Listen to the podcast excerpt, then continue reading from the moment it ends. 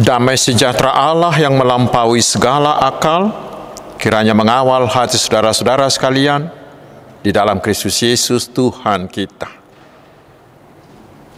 Amin. Selamat hari Minggu saudaraku, mari kita menerima firman Tuhan yang ditetapkan untuk Minggu Judika hari ini, yaitu dari kitab Nabi Yehezkiel pasal 45 ayat 9 hingga ayat 17 saya bakal cetakan untuk kita, mari kita simak dengan baik. Beginilah firman Tuhan. Cukuplah itu hai raja-raja Israel. Jauhkanlah kekerasan dan aniaya, tetapi lakukanlah keadilan dan kebenaran. Hentikanlah kekerasanmu yang mengusir umatku dari tanah miliknya. Demikianlah firman Tuhan Allah. Neraca yang betul, Eva yang betul dan bat yang betullah patut ada padamu. Sepatutnya lah Eva dan bat mempunyai ukuran yang sama yang ditera. Sehingga satu bat isinya sepersepuluh homer dan satu Eva, satu Eva ialah sepersepuluh homer juga. Jadi menurut Homer lah ukuran-ukuran itu ditera.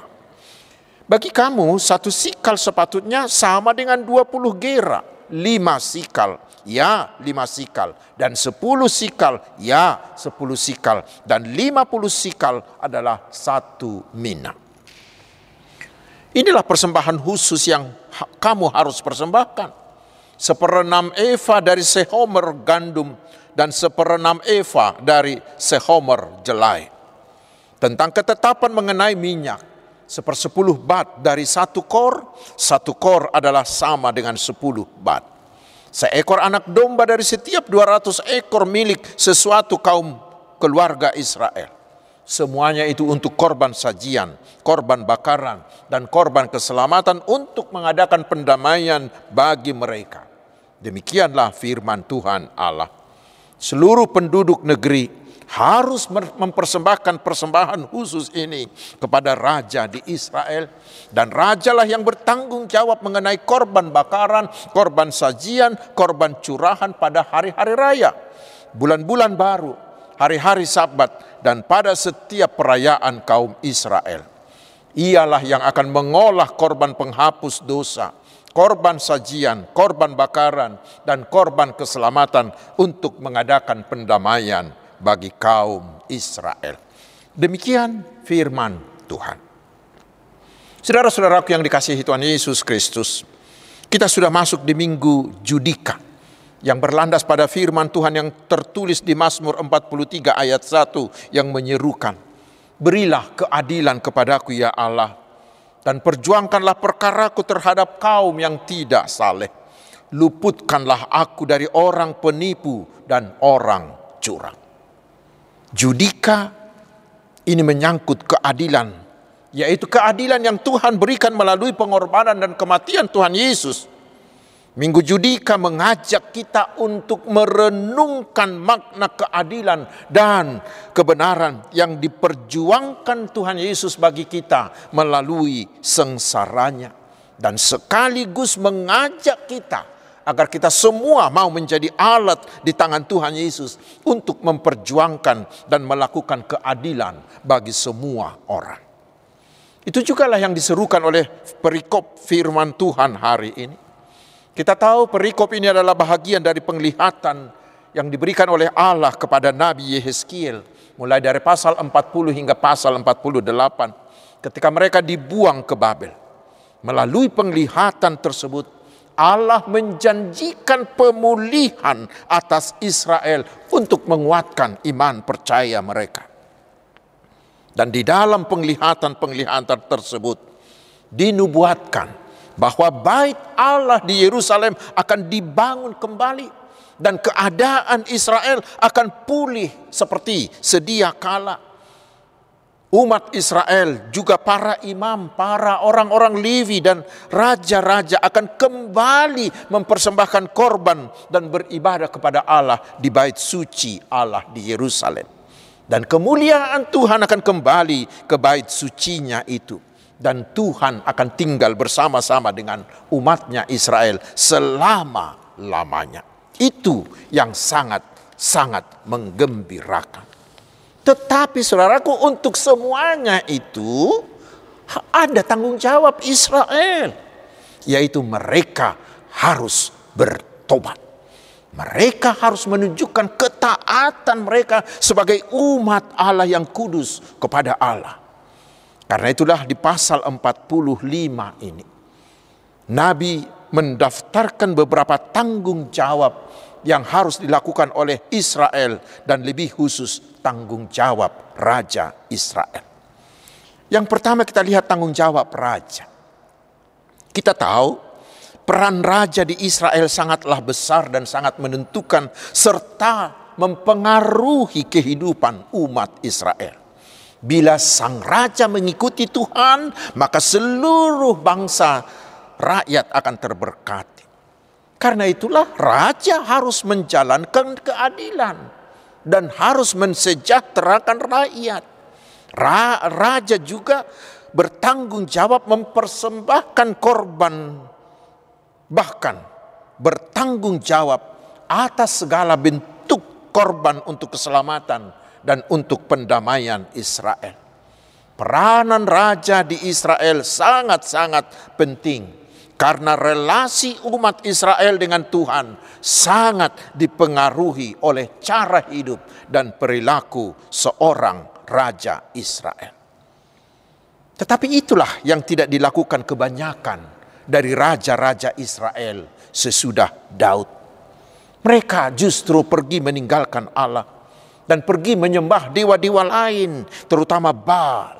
Sehingga semua rakyat Israel turut berbalik dari Tuhan.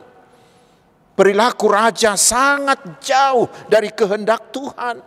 Mereka bukannya mengayomi untuk mensejahterakan rakyat, tetapi justru melakukan ketidakadilan. Mereka membuat segala macam aturan dan melakukan segala cara agar mereka bisa menguasai tanah, menguasai harta kaum lemah seperti janda, kaum yatim piatu, orang asing dan orang-orang lemah lainnya. Raja-raja sesudah Daud banyak yang memperkaya diri, tetapi rakyatnya menjadi sengsara. Itulah ketidakadilan yang luar biasa. Karena itulah Tuhan melalui Nabi Yehezkiel ini mengatakan stop itu. Sekarang stop itu sudah cukup. Bila Israel mau dipulihkan jangan teruskan lagi. Walau itu sudah sempat menjadi kebiasaan, menjadi hal yang lumrah, sudah menjadi budaya bagi kamu, tetapi sekarang hentikan itu. Tetapi mulai hari ini berlakulah sebagai raja atas umat Allah yang kudus. Lakukan keadilan. Itu kata Tuhan melalui nabi. Saudara-saudaraku, itulah juga seruan di minggu judika ini kepada kita hari ini. Kita tahu Yesus adalah korban ketidakadilan dari orang-orang yang menyebut dirinya pemimpin agama dan penguasa pada waktu itu. Yesus dibunuh dengan penyalipan sebagai orang yang paling jahat tanpa membuktikan kesalahannya. Justru karena kebenarannya. Tetapi lihat saudaraku, justru kematiannya yang korban ketidakadilan itu justru membawa keadilan bagi orang-orang berdosa. Karena kita inilah orang-orang berdosa inilah yang seharusnya menanggung derita dan yang harus disalibkan di kayu salib yang hina itu. Karena dosa-dosa kita yang begitu besar membuat kita seharusnya dihukum. Tetapi Allah kita adalah Allah yang penuh kasih Yohanes 3 ayat 16 sehingga dia rela memberikan anaknya Yesus Kristus yang mau mengorbankan dirinya sendiri agar dialah yang menanggung semua hukuman atas kita. Dan dengan kematiannya itu kita ditebus, hutang dosa kita dibayar lunas. Dan dengan darahnya kita diperdamaikan kembali dengan Allah saudaraku. Itulah keadilan yang seadil-adilnya yang tidak ada bandingannya di dunia ini Karena kita orang berdosa ini dijadikan menjadi orang benar hanya oleh anugerah, hanya oleh hadiah dari Tuhan Yesus yang kita terima bila kita mau percaya kepada Yesus dan mengandalkan Dia dalam seluruh hidup kita. Karena itulah melalui Minggu Judika ini, semua orang Kristen bukan hanya terpanggil, tetapi diwajibkan untuk melakukan keadilan di semua tempat dan bagi semua orang sebagai bukti iman kita kepada Yesus. Dan hal itu sangat-sangat kita butuhkan di negeri kita saat ini. Orang-orang percaya, orang-orang Kristen harus mau melakukan dan memperjuangkan keadilan bagi semua orang. Tindakan keadilan itulah yang akan mendatangkan damai, sejahtera dan mendatangkan kebahagiaan bagi seluruh rakyat Indonesia. Bila semuanya berjalan dalam keadilan, maka keadaan masyarakat Indonesia akan menjadi tetap tenang, penuh kedamaian dan akan sejahtera dan akan bahagia. Tetapi sebaliknya, masyarakat kita akan resah, akan haus, bila terjadi ketidakadilan. Bila para pemimpin dan penegak hukum memutus perkara berdasarkan besarnya uang suap yang diberikan. Sehingga hukum dibengkokkan. Yang punya uang, yang punya keadilan. Dan orang lemah akan menjadi korban ketidakadilan. Semuanya akan haus, akan resah bila hukum tumpul ke atas tetapi tajam ke bawah. Saudaraku, itulah kewajiban yang diembankan kepada kita oleh firman Tuhan di minggu Judika ini. Jadilah penyebar keadilan di semua tempat kepada semua orang. Mulailah itu dari diri sendiri. Mulailah itu dari keluarga kita sendiri. Itu yang pertama. Yang kedua, saudaraku, untuk semua rakyat Israel, untuk kita agar mereka dipulihkan, mereka harus mau bertobat, yaitu dengan berlaku jujur dalam segala hal. Ketika mereka masih berada di Yerusalem sebelum terbuang, mereka bertindak tidak jujur. Mereka memakai takaran palsu, menjual barang palsu, menipu, mengambil riba, bunga uang yang sangat besar dan lain-lain dan lain-lain. Tetapi sekarang melalui Nabi Yeskiel Tuhan katakan semuanya itu harus di-stop. Bila kamu ingin dipulihkan, jangan lagi ada orang yang bertindak curang. Semuanya harus berlaku benar. Di ayat 10 hingga 12, digunakan istilah-istilah yang menunjukkan standar-standar ekonomi yang benar. Artinya, dalam segala hal mereka dan kita harus bertindak jujur. Allah telah mengaturkan segala ukuran untuk mereka gunakan, terutama di dunia perdagangan, di dunia jual beli, di dunia tukar menukar, agar terdapat tercipta keharmonisan, tercipta keadilan dan kebenaran. Dengan menggunakan alat-alat tersebut secara jujur, itulah salah satu hal yang membuktikan bahwa mereka benar-benar adalah umat Allah. Sehingga Tuhan akan menyayangi mereka. Dan saudaraku, itulah juga yang diwajibkan bagi kita setiap orang percaya di minggu judika ini Tuhan katakan kepada kita hari ini, berlakulah jujur dalam segala hal. Jujur dalam berbisnis, jujur dalam berusaha, jujur dalam bertransaksi. Jangan menggunakan takaran palsu. Di zaman media sosial yang bagaikan tsunami ini, sudah banyak orang yang menjadi korban penipuan, karena menggunakan informasi palsu kepada orang lain. Sehingga orang lain tertarik untuk menginvestasikan uangnya yang ternyata adalah investasi bodong. Juga penipuan dengan informasi-informasi palsu berisi hadiah dan yang lain-lain. Berisi penipuan mengatakan ada kiriman barang untuk Anda. Lalu kita membuka aplikasinya. Dengan itu mereka membobol rekening kita. Bukan hanya itu saudaraku. Kata orang-orang di pasar-pasar sana. Ada istilah kilo yang dapat diajari. Kilo yang dapat diajari. Karena kilonya diatur oleh si penjual. Tidak mengikuti takaran yang sebenarnya. Atau mereka menggunakan dua takaran, takaran yang diperbesar untuk membeli, takaran yang lebih kecil untuk menjual. Ingat saudaraku, semuanya itu adalah oh perbuatan dari orang-orang yang tidak mengenal keadilan Tuhan Yesus. Tetapi hari ini Tuhan Yesus mengatakan kepada kita, stop semuanya itu bila sudah sempat melakukannya. Jangan mau melakukan hal seperti itu lagi. Nanti hukuman Tuhan akan menimpa kita dan masyarakat kita seperti yang dialami oleh Israel dalam Nats ini. Tetapi mari berlaku jujurlah dalam segala hal. Agar Tuhan memulihkan keadaan kita ke arah yang lebih baik agar Tuhan memulihkan dan menempa masyarakat kita menjadi masyarakat yang penuh damai sejahtera. Dan yang terakhir, baik raja maupun umat Israel diajak, lakukanlah ibadah kepada Tuhan dengan sebenarnya.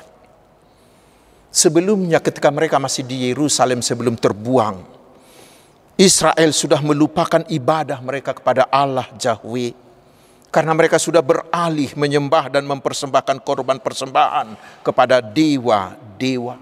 Dan itulah yang mendatangkan uh, murka dari Tuhan.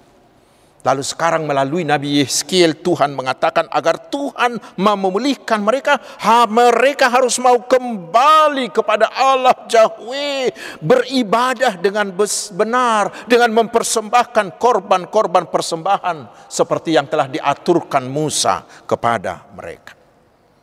Dan itulah juga seruan Tuhan kepada kita hari ini. Saudaraku, Tuhan Yesus kita sudah mau mengorbankan dirinya untuk menebus kita. Karena itu menurut saya sangatlah jahat. Sekali lagi, sangatlah jahat bila masih ada orang, bila masih ada dari kita yang mau beralih dari Yesus dan pergi menyembah ilah-ilah lain. Tetapi hari ini agar keselamatan yang Tuhan Yesus sediakan melalui kematiannya dapat kita peroleh, kita diajak, kita harus loyal, harus taat, harus setia mengikuti Yesus hingga mati sekalipun. Wahyu 2 ayat 10. Kita harus rajin dan tekun beribadah. Juga mempersembahkan persembahan yang kudus yang tak bercacat kepada Tuhan. Yang bisa menjadi persembahan yang harum, yang berkenan, yang menyukakan hati Tuhan. Itulah yang memberi kita juga kebahagiaan dan itulah juga yang akan mensejahterakan masyarakat kita. Amin. Mari kita berdoa. Terima kasih Tuhan atas firman yang sungguh mengingatkan kami. Jadikanlah kami pembawa keadilan di mana terjadi ketidakadilan. Menjadi pembawa kebenaran di mana hukum dibengkokkan. Menjadi pembela korban di mana ada penindasan. Ya Tuhan, Berkatilah pemimpin kami, agar mereka memimpin dalam kebenaran, terutama para penegak hukum, agar mereka selalu takut akan Tuhan dan menjalankan hukum seluruh-seluruhnya menurut kehendakmu. Bapak di sorga berkatilah seluruh umatmu. Berkatilah pekerjaannya, berkatilah rumah tangganya, juga kesehatannya, studinya, dan pelayanannya. Berilah rohmu kepada kami agar iman umatmu ini semakin dewasa, imannya semakin berbuah melalui perbuatan-perbuatan yang baik, yang bisa menggarami perilaku masyarakat sekitar kami, sehingga masyarakat kami semakin hari semakin baik.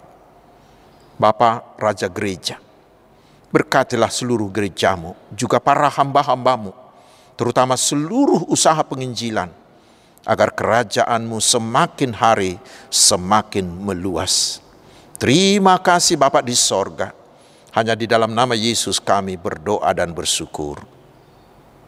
Amin.